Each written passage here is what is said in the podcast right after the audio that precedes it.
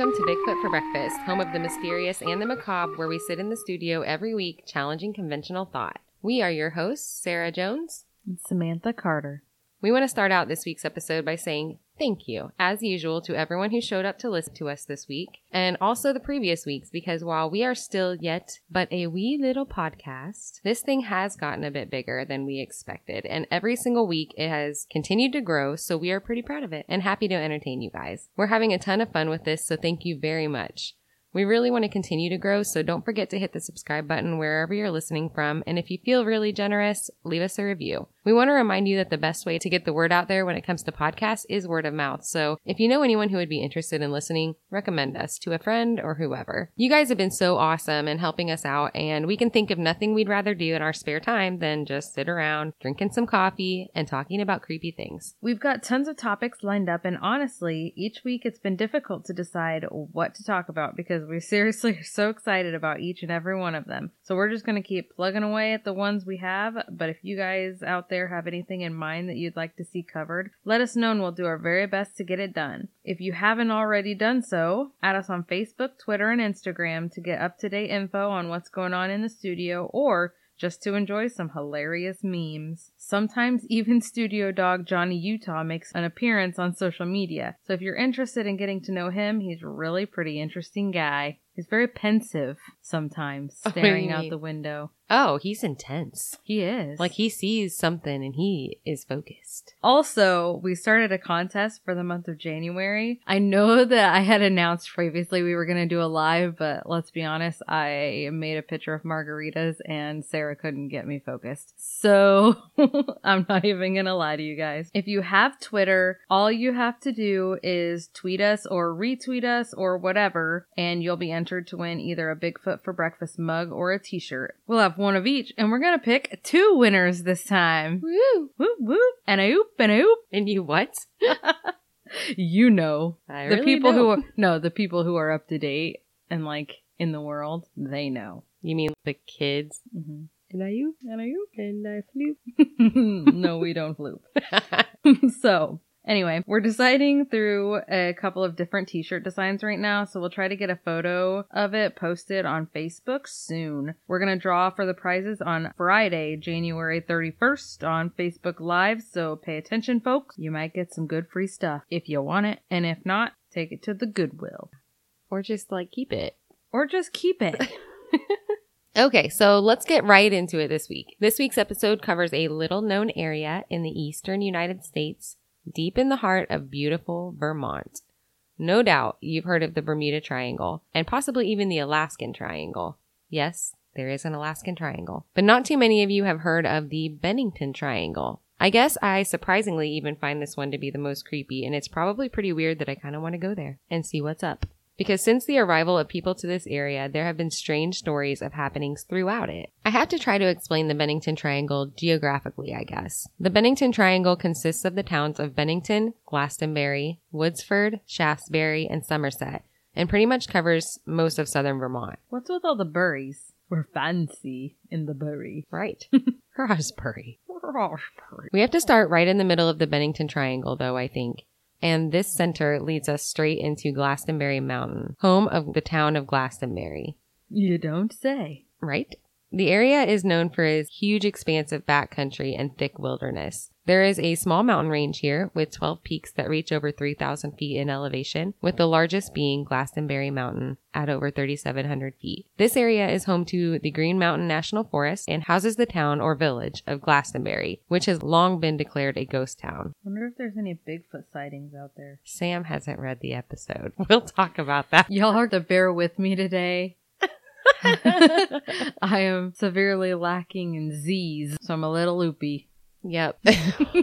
She's in the same place I was last week. So, from the very beginning, the town was impossible until it was possible. No, it wasn't possible. Flashback. It was established in 1761 by a man named Benning Wentworth. Why can't we have cool names? Benning Wentworth. Benny, Benny, Bennington, Oh, Benny. Benning Wentworth, not JG. Benning. What are you talking about? 877 cash now. Anyway. It's my money and I need it now. Call J.G. Wentworth. Wentworth was the governor of New Hampshire at the time. Apparently, the man had never actually been to Vermont, so he was unfamiliar with the extremely challenging terrain of the wild areas, but he did have a map. he had a map. A map, a map, a map. No, no, don't go there. a Not map. Dora. So, he simply took the map and drew lines on it for towns to be established. Yes, he did. That's how I roll. Just put it here. Let's just wing it. It was destined for ghost towndom from the very beginning. The terrain on which it was settled was extremely rough, and growing anything here was nearly impossible because of this, and the growing season was very short. It was a logging town and mining town, and the coal that was produced here was brought out of the town via railroad, which ran straight up the mountain. At the time, it was the steepest railroad ever built in America. The train was so heavy and the incline was so steep that it climbed the nine mile incline at 250 feet per mile. I think I can. I think I can. I think I can. Chugga chugga chugga. Roads were never put in place in Glastenbury due to the steep incline and rugged area. So, a roadless town. Correct. They tried and tried to make the town work, but the people here were met with endless obstacles. The resources were drying up, and since they had logged most of the mountainside, that left them completely unprotected from the strange weather patterns that were known to occur in the mountain. And finally, in 1897, a massive flood rushed over the town and completely tore out the railroad. Unforeseen. Not really. That was sarcasm. Okay. I didn't put my sarcasm face on. You Sorry. didn't, I didn't even have the little eye twitch thing that I do. I don't know.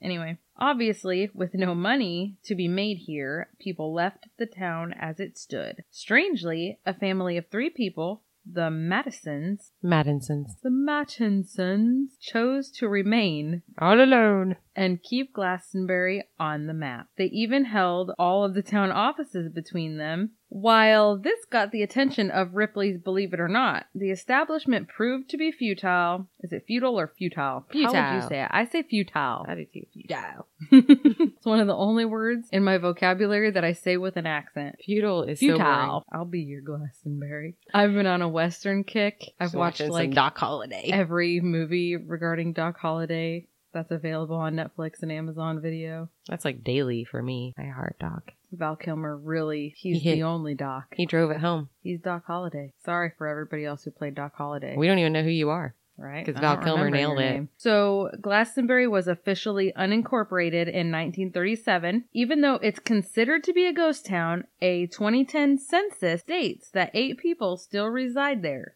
Well, they resided there in 2010. That, resided there. it doesn't seem like it, but that's been 10 years ago. Resode? No, They it's resi- resode there. They resided there. they live there in past tense. Even at its peak, though, the town was never exactly big, you don't say. Nah, it was hard to get to. I read that in its heyday, the town's population reached 241 people. It was kind of a cool town though. Like if you guys want to really look into this, go look at the pictures of Glastenbury itself. They had the big kilns, you know, for the charcoal and they had this huge lodging house for all of the miners that lived there. And later on, when the town started to go downhill and they were kind of desperately trying to hold on to it, the people who lived there, they turned it into a tourist resort for a little while. And they took the lodge house and they made it into a hotel. And they took another really cool building and they made it actually into a casino. And then they turned the railroad into what are those, like the trolley cars that run up like on a line? You know what I'm talking about? The cable cars? Mm-hmm.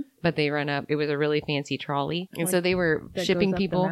It went up the mountain. Oh. So they were shipping people from down at the bottom up to the top of the mountain and people were staying there, but it actually didn't it didn't go over either. So which is surprising because it's such it's so cool. You guys have to look it up. Now that we know a little bit of history, let's get into the weird stuff. I love the weird stuff. Weird. It's about time. Not that the history isn't cool too actually, but Weird. I'm going to say we minimize that some.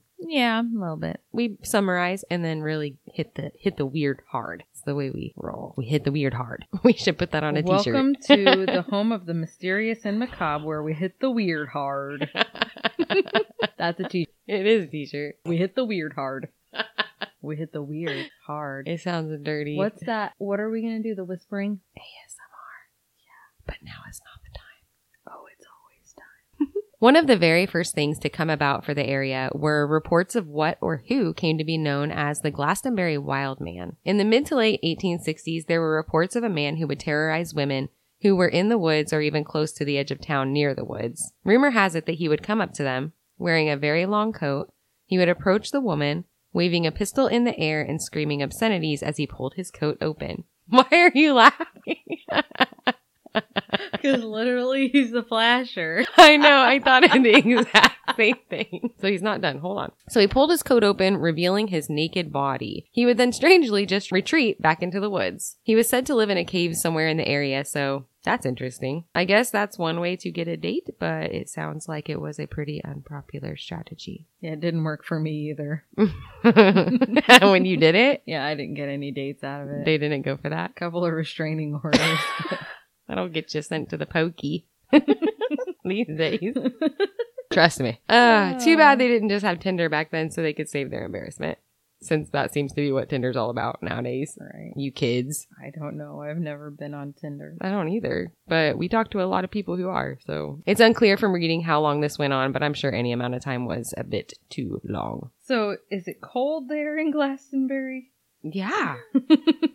I think during the day it's really nice, but then the temperatures like plummet because it's a mountain. Brave man. Yeah. He must have been near his cave so he could hurry back. Quite a while later, in 1892, there was a man who was working at a sawmill in Fayetteville. Fayetteville. Fayetteville. He was not naked, which was he was fully clothed. this one. this guy. He wore pants.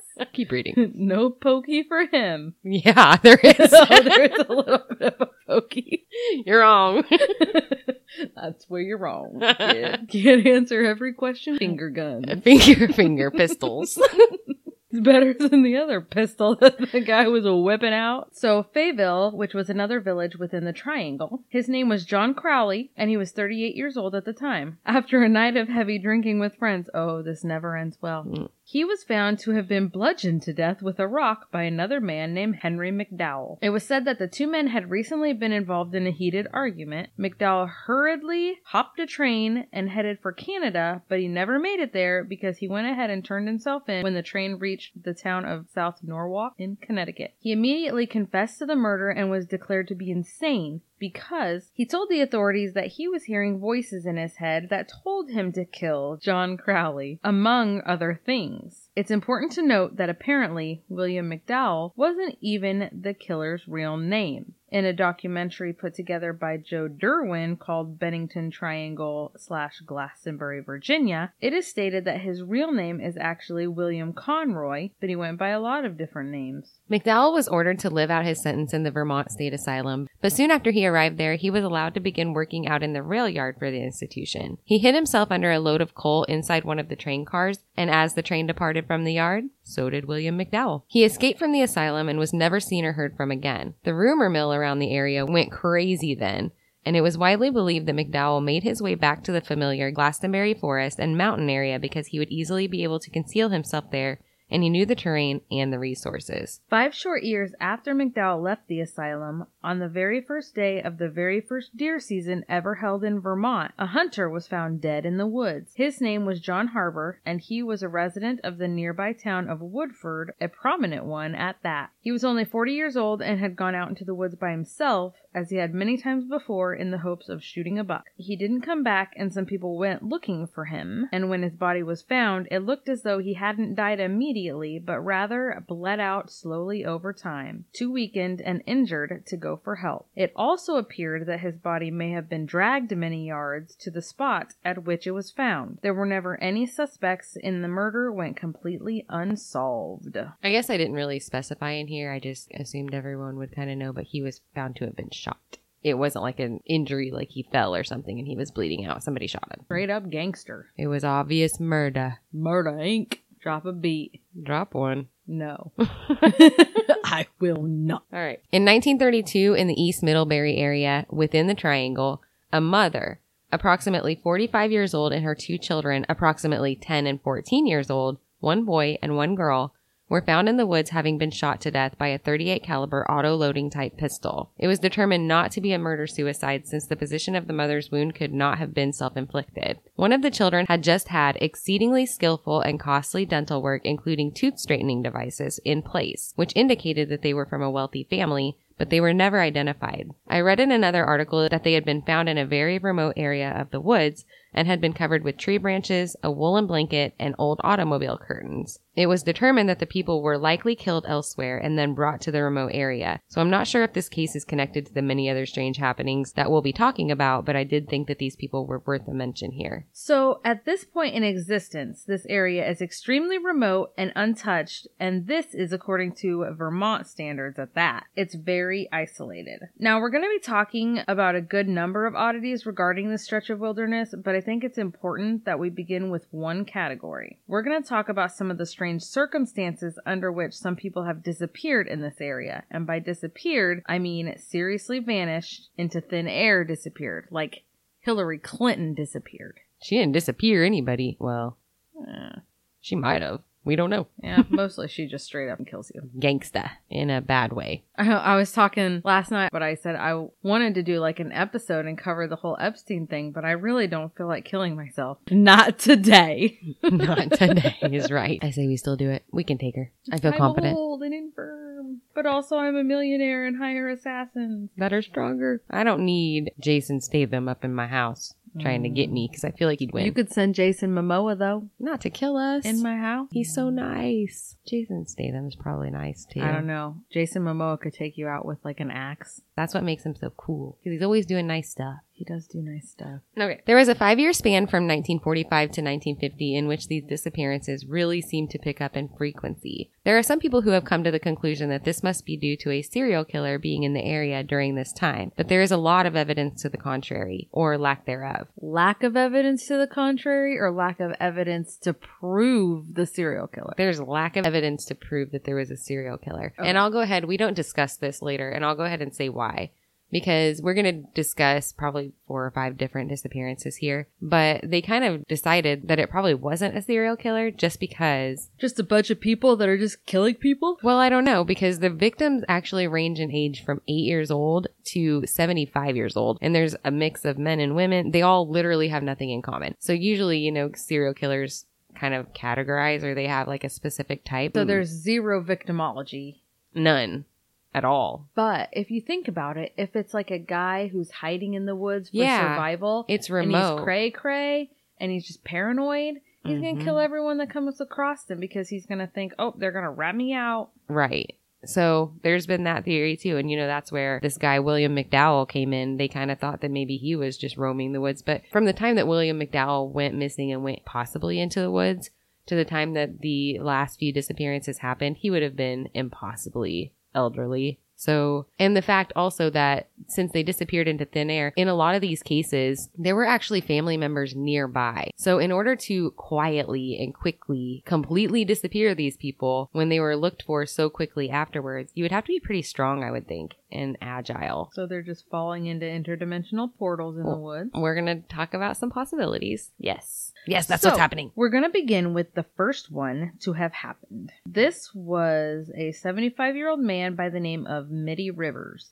At 75 years old, you would think that it would be easy for him to have experienced an accident or a health issue due to age, but Middie was kind of a badass actually and served as a mountain guide in the area. He knew the terrain very well and was said to be in very good shape, being used to hiking the mountain regularly. He was leading one of his hunting groups to camp and he walked ahead of them just a little ways near a well known road called Long Trail Road. So imagine you're part of a hunting group. Your trusted, reliable, highly recommended guide states that they're going to hike ahead on the trail to quickly check out the terrain. He goes ahead, only he never comes back for you. He just vanishes. You keep walking and walking, thinking you should come upon him had he been injured, but you never do. You don't see anything.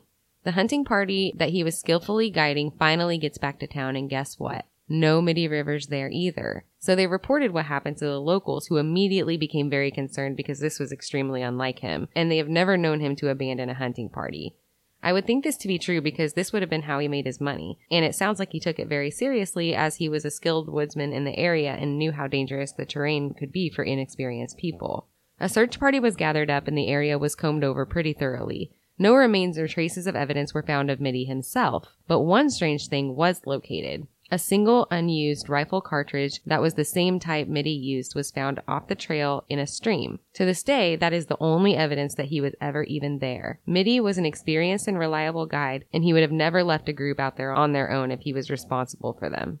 In 1942, 13 year old Melvin Hill disappeared in Bennington. This is stated on nearly every single site, but couldn't find one newspaper article about this, so I'm not extremely certain of the circumstances here. In 1943, a man named Carl Herrick, who was 37 years old, went missing during a hunting trip in the woods with his cousin, Henry. They separated at some point, and as Henry got back to the camp, he noticed that Carl had not yet returned. After a while, it was getting dark, so Henry got worried and called the police since Carl should have been back hours ago. A heavy search of the area was conducted by law enforcement and he was discovered three days after he was last seen. He was lying on the ground in the forest with his fully loaded rifle sitting only feet away, propped up against the tree. The post-mortem examination states that his upper body had been crushed, seemingly squeezed to death by something very large. A serial crushed by a huge freaking guy. No other sign of animal attack. Around his body in the mud, there were many sets of very large footprints that nobody recognized. It was determined that the footprints were so large that it had to be some kind of bear. But ObscureVermont.com poses a good question.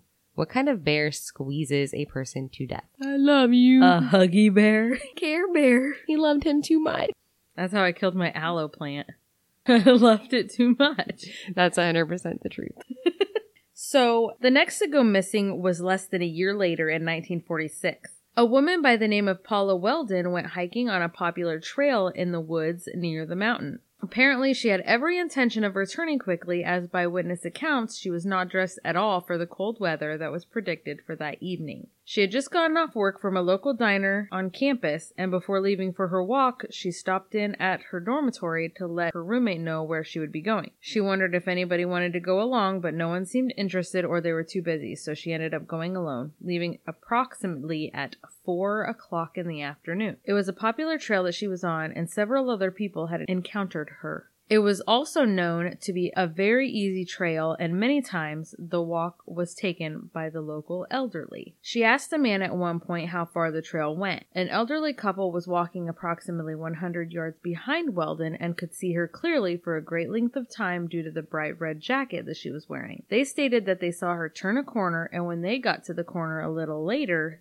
they turned to see a long stretch of trail and they thought that they should have been able to see the woman, but they didn't. She was gone. They didn't think much of it until later on, after they'd been home for a while and heard that she was missing. Paula had failed to return home and then failed to show up for class on Monday morning, so the college called the police. As word spread throughout the area of Paula's unlikely disappearance, people immediately seemed to recognize that something was very wrong and a search party was assembled to comb through the area. The search consisted of over a thousand people, police dogs, and helicopters. Even a clairvoyant was present to assist in the search for the missing girl. Of course there was. A $5,000 reward was offered for her recovery and her return had she been taken, but no sign of Paula was ever found. Even the FBI got involved, but this was not helpful either. Paula Welden was a student at Bennington College, and she was only 18 years old when she disappeared. They searched for approximately 21 days before it all came to an end, and no evidence of any kind was ever found.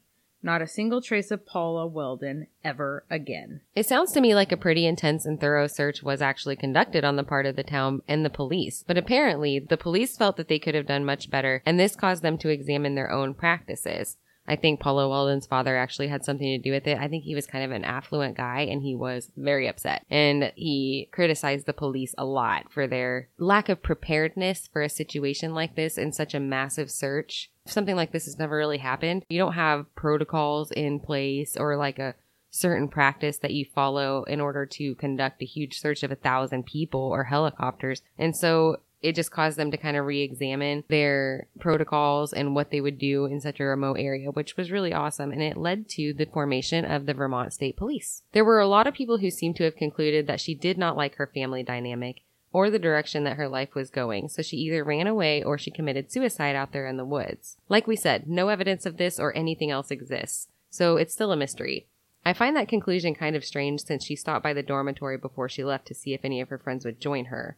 I feel like if she wanted to disappear or commit suicide, she would have just went out and done it. Next up, and by far, in my opinion, the strangest of these disappearances was that of a man named James Tedford in 1949. James was an Army veteran from Bennington and he had just been to visit his family in northern Vermont. He was traveling there and back via passenger bus and he was on his way home to the Bennington Soldiers Home. There were 14 other people on the bus along with him, aside from the driver. James boarded the bus on the last stop before Bennington with luggage in hand. There were no other stops between here and his destination for him to have gotten off the bus at any point.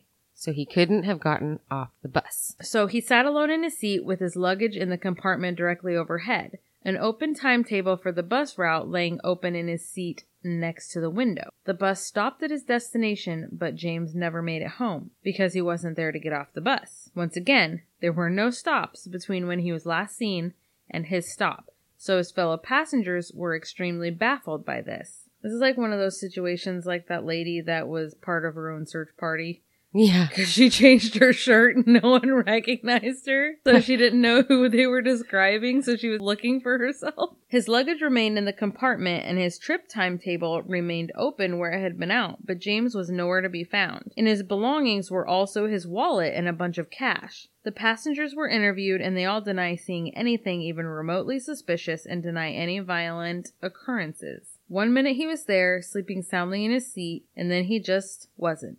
Aliens. How does a man disappear from a moving bus full of passengers without a single person ever seeing anything? Aliens.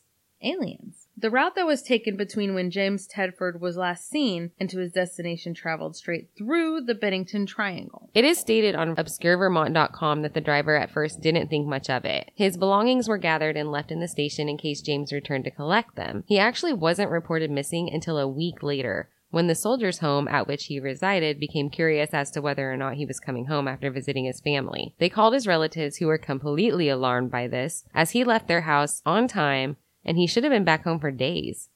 The police became involved in this matter, and the bus driver and the passengers were interviewed at this time, who stated then that they had seen nothing unusual and didn't notice any strange behavior at all from James on the bus. Later in 1949, several sites and articles make mention of a three person hunting party that also went missing in the woods, but that's all I could find about that incident anywhere. No other information regarding these people was located, so we can't go into any further details on this incident.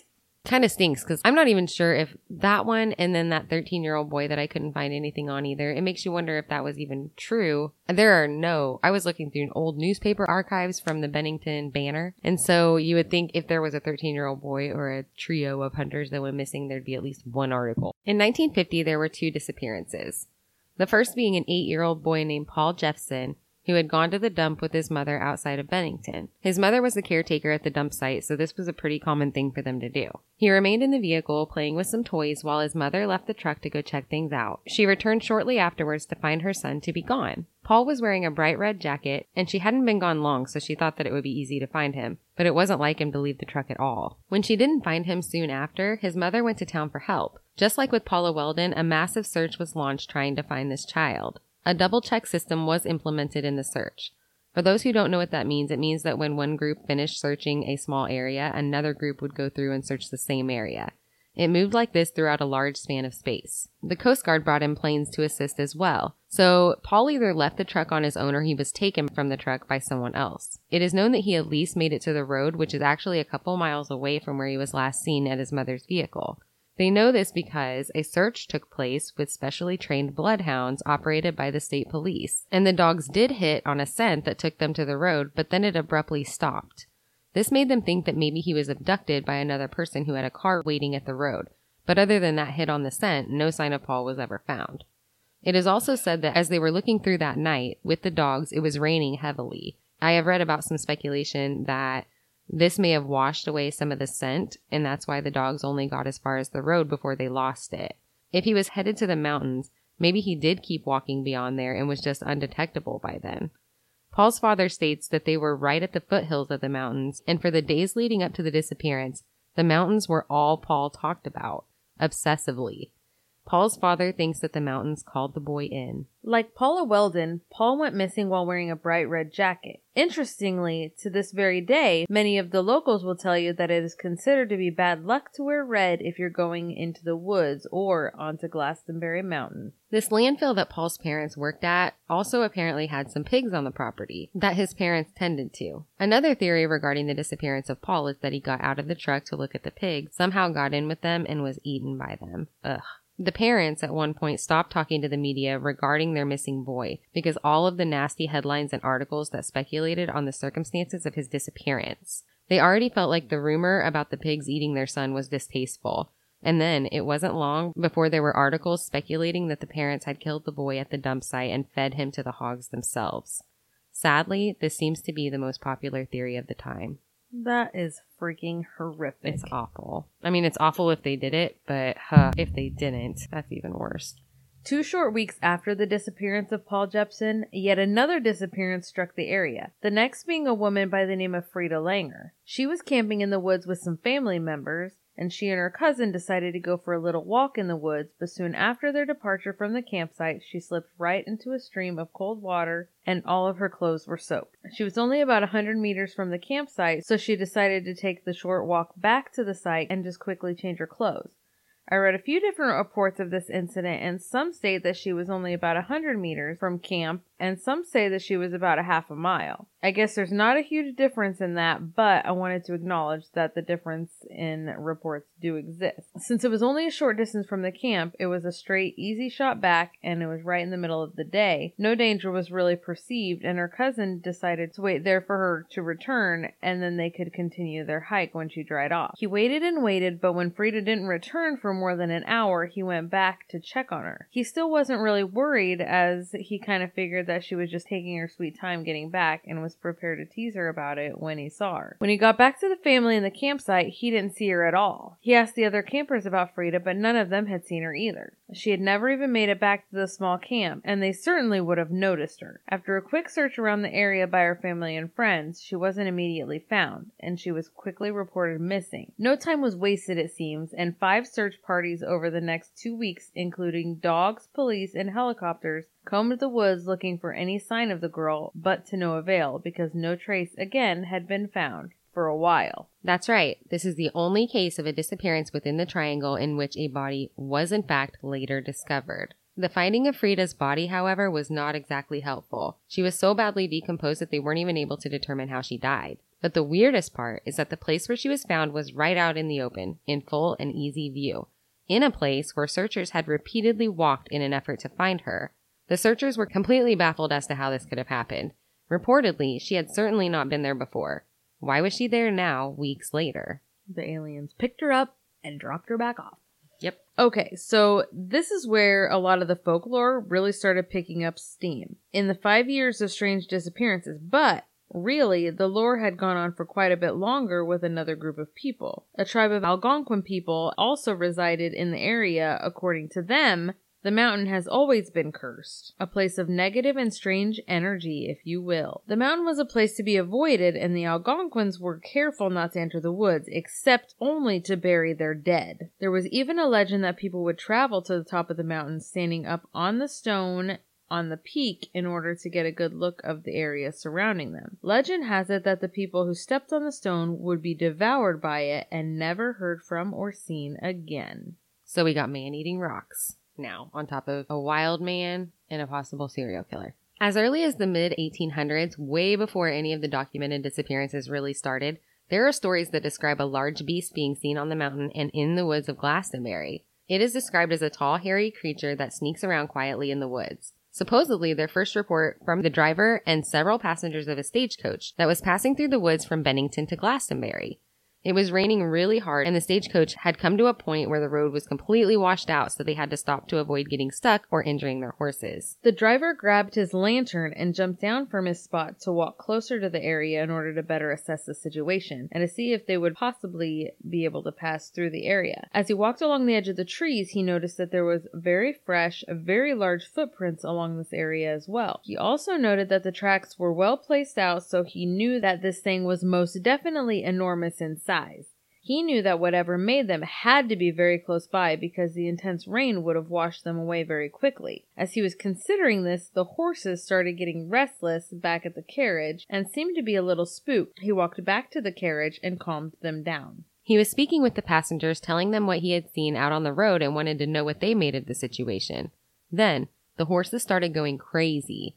They were trying to run in all different directions and pulling dangerously on the stagecoach. These were obviously well trained horses, so they thought there must be something out there lurking just beyond their field of vision that was making the horses nervous and upset. At this point, the story goes that the passengers then began to exit the stagecoach one by one. I'm not completely sure why this was because I feel like I would have stayed in there. Absolutely. But possibly the horses were freaking out so much that they were worried about them dragging the carriage into a dangerous situation and thought it more safe to be outside, which is fair, I guess. Yeah. Just as the last passenger put his foot on the ground, they heard tremendous footsteps charging toward them. The passengers scrambled out of the way just as something huge and powerful dealt a savage blow to the carriage. The passengers and driver were terrified, hiding in the nearby woods from whatever was out there.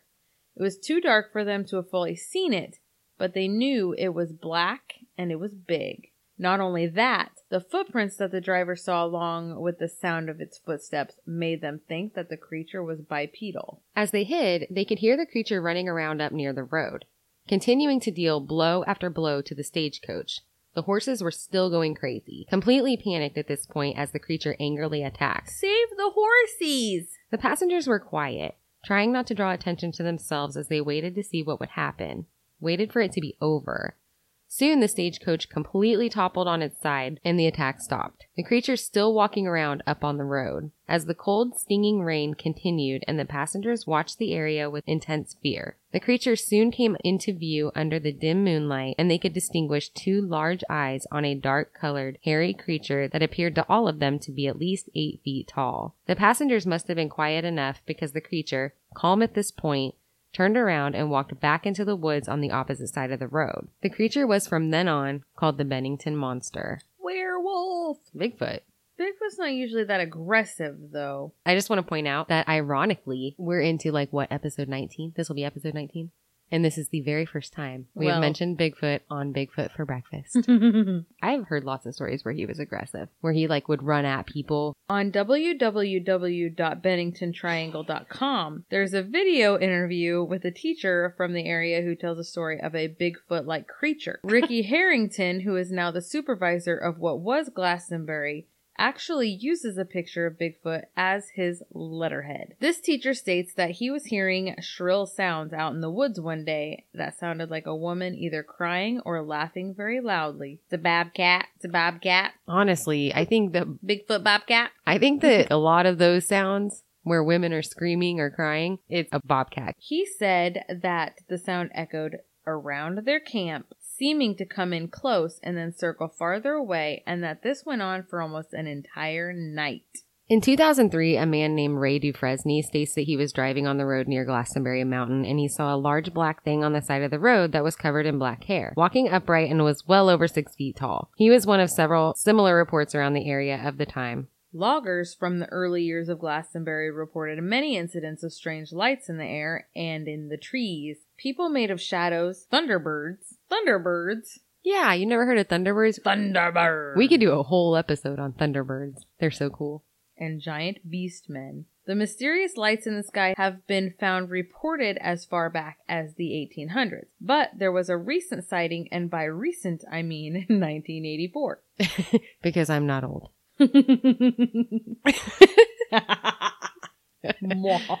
I was recently born. Supposedly, there were several witnesses that all described huge lights shaped like silos darting around in the sky. Maybe the missing people were simply abducted by not humans. And by that, I mean it was aliens. God, we can't go one episode. But we did finally talk about Bigfoot. Yeah, I know. It's kind of about time. Uh, everyone's like, so when are you going to talk about Bigfoot on your Bigfoot podcast? And I'm like, the name is ironic. Because we really have no intention. Oh, yeah, it's not even on our list. Unless y'all start requesting it a whole bunch, and then I guess we'll do it. But we kind of feel like Bigfoot has been done so much that there's not really anything new to say. We could, however, invite some of our friends to teach you what a Bigfoot call sounds like. Yep, they're pros. They are pros. Steve and Pat. We're calling you out. I might have a video recording of it. We could just start playing it every time we accidentally say a cuss word. Mm-hmm. La la la la la la. la. no. I don't remember what it really sounds either. like, but I think that was Xena Warrior Princess. Yeah.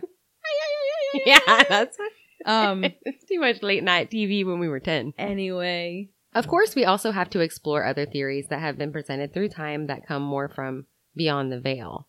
We have all heard and know that there are certain places in the world in which reality, perception, and possibly the boundary between the dimensions is a bit thin. Oh, fell in a hole. Oh, Oh. if an Iowan falls in a black hole. Oh, Oh. oh darn. Dag nabbit. Hmm. Heckin' hole. Nobody says that. Doggo says that. Who's doggo? Heckin' hole. I don't know what you're talking about. Such a millennial. I just read a lot of memes. True. Author John A. Keel talks about this and states that in these places or window areas, physical reality is less concrete, and this leads to a disproportionately high number of reported paranormal phenomena. He states that there are possibilities within the thinness of the interdimensional division here that accidental doorways can be created and people can slip through them. Oh. Nope. There are notable areas all over the United States and in the world that are known for this type of thing, and this line of belief has a significant amount of support, including mine. And I oop. The locals surrounding Glastenbury Mountain and the surrounding woods are fearful of the area as well. It's known for very erratic weather and wind patterns that make this area extremely difficult to navigate along with its harsh terrain. Native Americans reportedly had legends regarding this land for many years prior to its settlement. They didn't, and still don't, set foot in these woods or on the mountain except to bury their dead. And then they hustle out of there. The lore states that on top of Glastenbury Mountain is where the four winds meet, and that it was an evil place. As recently as 2008, an article written in the Bennington Banner newspaper about another man who had experienced a very strange incident in the forest around Glastenbury Mountain. Robert Singley, a local teacher of music composition at the Bennington College, had been walking on the trail, but unlike many others, he lived to tell the tale. That was very poetic. It was. It's like a poem. Keep going. I was gonna say it's like a like a Longfellow. Is it Longfellow that's always written about, writing about nature? Lots of poets write about nature. Frost. Robert Frost. He writes a lot about nature. There's one that writes like excessively about nature, and it's beautiful. Stingley was 27 years old, and it was the middle of the day when he departed on what was to be a short hike off Harbor Road in Woodford Hollow. Were you wearing a red jacket? Ironically, this is the exact same place where Paula Welden disappeared. Remember, she was the 18 year old college student who disappeared on the trail. He stopped to eat his lunch at the peak of Bald Mountain and then began walking along the ridge line toward the old town of Glastenbury. He got as far as he wanted and then turned back and began headed back in the direction of his car. He knew the area very well and he knew his car was only three miles to the east. Driver to the east. Got a bird named Pinky. Sorry. After walking four to five miles in what he says was definitely the correct direction, that's what I say too. Definitely the right direction. So things were looking unfamiliar and he was concerned that he had not yet reached his car. He says, Right before I lost the trail, everything like crescendoed into this weird sort of dizzying confusion. It suddenly got dark and then it was like, Where am I? What's going on? I was totally lost. He ended up spending the night under a large tree and states that the night was kind of expelling a weird sort of, I don't know, a really weird haunting energy. He was worried that his fiancee would be concerned, and he was right. She had already contacted the police, but no search could be conducted due to the very dark and foggy conditions. He knew it would be light soon, though, so he remained calm and lit a fire with the pages of a composition book that he had in his bag, along with some dry birch that he found around the area. Morning came and he tried to walk back to his car once again. He walked an additional three or four miles and reached a sign that said Goddard Shelter, which confused him greatly because this shelter was located almost to the peak of Glastenbury Mountain. He's quoted in the article saying, I thought I was camped out about a quarter mile from my car, and instead I woke up totally on the other end of this ridge, literally six or seven miles away from where I thought I was. It didn't make any logical sense at all. At this point, he started to go back and remembered passing the same tree at which he camped, but other than that, the trail appeared completely different than it had the day before. Huge differences were noted now that he wouldn't have missed. See, like, I struggle, in general, that's the statement, I struggle. That's just it. but I don't recognize trees per se. No, he was talking about, I guess I should have been more specific. You would recognize groups of trees or types of trees that were in an area, but he was talking actually about downed trees that were completely across the trail that he would have had to climb over. And they were there this time, but he didn't remember any of it before. You don't remember trees as landmarks, like strangely growing trees and. I mean, they have to really stand out, but all trees kind of look alike. Yeah, not really No. at all. No, well, no. I mean, obviously, I'm aware that there are different types of trees, different types of leaves, things like that. They grow different. And I think guess about the difference between cedar trees and birch trees, which are in the area. Well, yeah. Completely different. if they're all mixed together, all in the area. I don't know. I That's don't know. that's your problem. That's don't- why I don't go to the woods. you don't go outside. Homegirl don't belong in the woods. Homegirl does not. Sam would be swallowed by that rock. Go to the north. You're using words that I don't understand. He was found by police at about 11:30 a.m. that morning, and looking back on it, he still really doesn't understand what happened. He says that he feels like logically he must have accidentally taken a side trail, but he had walked these woods so many times and deep down, he knows he didn't. He states either I took a side trail, which really doesn't make any sense, or something weird happened. All That's of my the excuse above. Next time I get lost, something weird happened. Like, yeah, you were outside Navigationally, things didn't make any sense in my yard. in my yard. I love the woods. I could Well, spend I all too, day they're just walking around. They're not scary. I mean, they are kind of after, if you guys have ever read Missing 411 by David Paulides, There's another story as well from 2008 that was dug up by Chad from the obscurevermont.com website that states that two hikers were walking along the long trail. Walking with long trail is what it says. well, They were walking long on. trail. they were walking. was the spirit guide. No, he wasn't. He wasn't the spirit guide. It- He it- had a ponytail and he always had a pencil behind his ear. Anyway, he was walking along the long trail. Who, let me go back. This is actually not a person. When they met another man named Dave. Dave was a worker along the trail and his job was to rebuild and repair the fire towers in the area. Only you can prevent forest fires, Dave. probably more than just, don't put that on Dave. So they talked to him for a while about rumors that they've heard going on in the area, and Dave told them a strange story of his own. So, as you can imagine, with his job, he spent quite a lot of time in the remote areas of Glastenbury Mountain and did some work by himself up on the fire tower at the summit for long periods of time. He camped up at Goddard's shelter close to the peak, and when his friends would come up to check on him and sometimes stay with him, they reported that there were some nights where he would sit upright in his sleep, laughing uncontrollably for long periods of time, and they were unable to shake him from it. Other nights he would cry and scream while sleeping. This scared his friends considerably since he was always known to be so down to earth and the behavior was so disturbing for him, and they had never seen him do this before. There are some logical theories that people have posed over the years as to why many have gone missing in the mountains or things that may have led up to the folklore surrounding this place. As far as the actual disappearances go, where bodies were never found. Some simply state that these people may have gotten lost in the mountain and into the night the temperatures dropped to considerable lows. One thing that happens when people get into a hypothermic state is something called terminal burrowing. It is a survival behavior that will cause people to panic and find somewhere small in which to huddle and try to get warm as they can just prior to freezing to death. So a lot of times they hide themselves in a tiny remote place and this would make it very difficult for them to be found later. So they could be huddled in a little place, like maybe while the search parties are looking for them, and then maybe an animal can find them, like drag them out, and then suddenly, whoop, there they are. UFOs. And I oop. So we also discussed earlier that Glastenbury was established initially as a mining and logging town. So this would logically tell you that there are likely abandoned mine shafts and tunnels scattered all over the area. So if a person were to go off trail, they may accidentally fall through one of these, which would make them nearly impossible to locate. We also have to take into consideration the sheer vastness of the area and the thickness of the forest when trying to search for a single person. I think somewhere I read that this forest at the foot of Glastenbury Mountain was like 23,000 acres. and it's thick. It was also talked about earlier how the mountain had an odd wind pattern and it can be very disorienting. The wind pattern even causes plants to grow in strange patterns and directions in the area.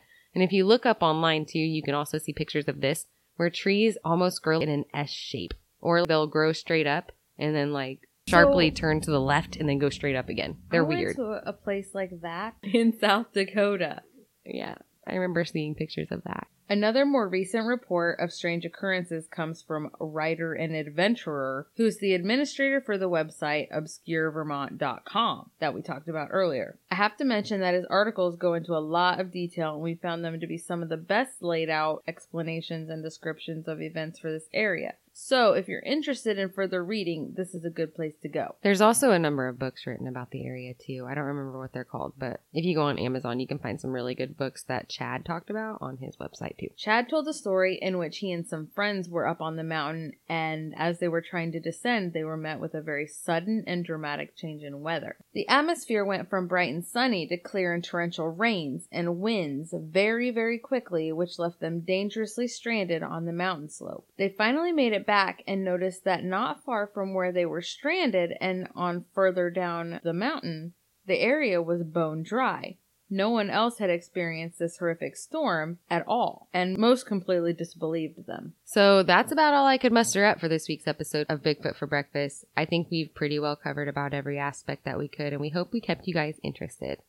As usual, we thank you so much for listening to our little show, and we appreciate every single one of you and hope that you'll continue coming back and checking out future episodes because we have a very long list of topics in mind for you, so be prepared and keep listening. Make sure you push the subscribe button and tell your friends about us because the best way to spread the word about a podcast is by telling people. So, So do, do it. it. We would really appreciate you for it even more. So you will hear from us again when the next episode dro- episode drops on Tuesday. Episode. Sketchatune! Episode.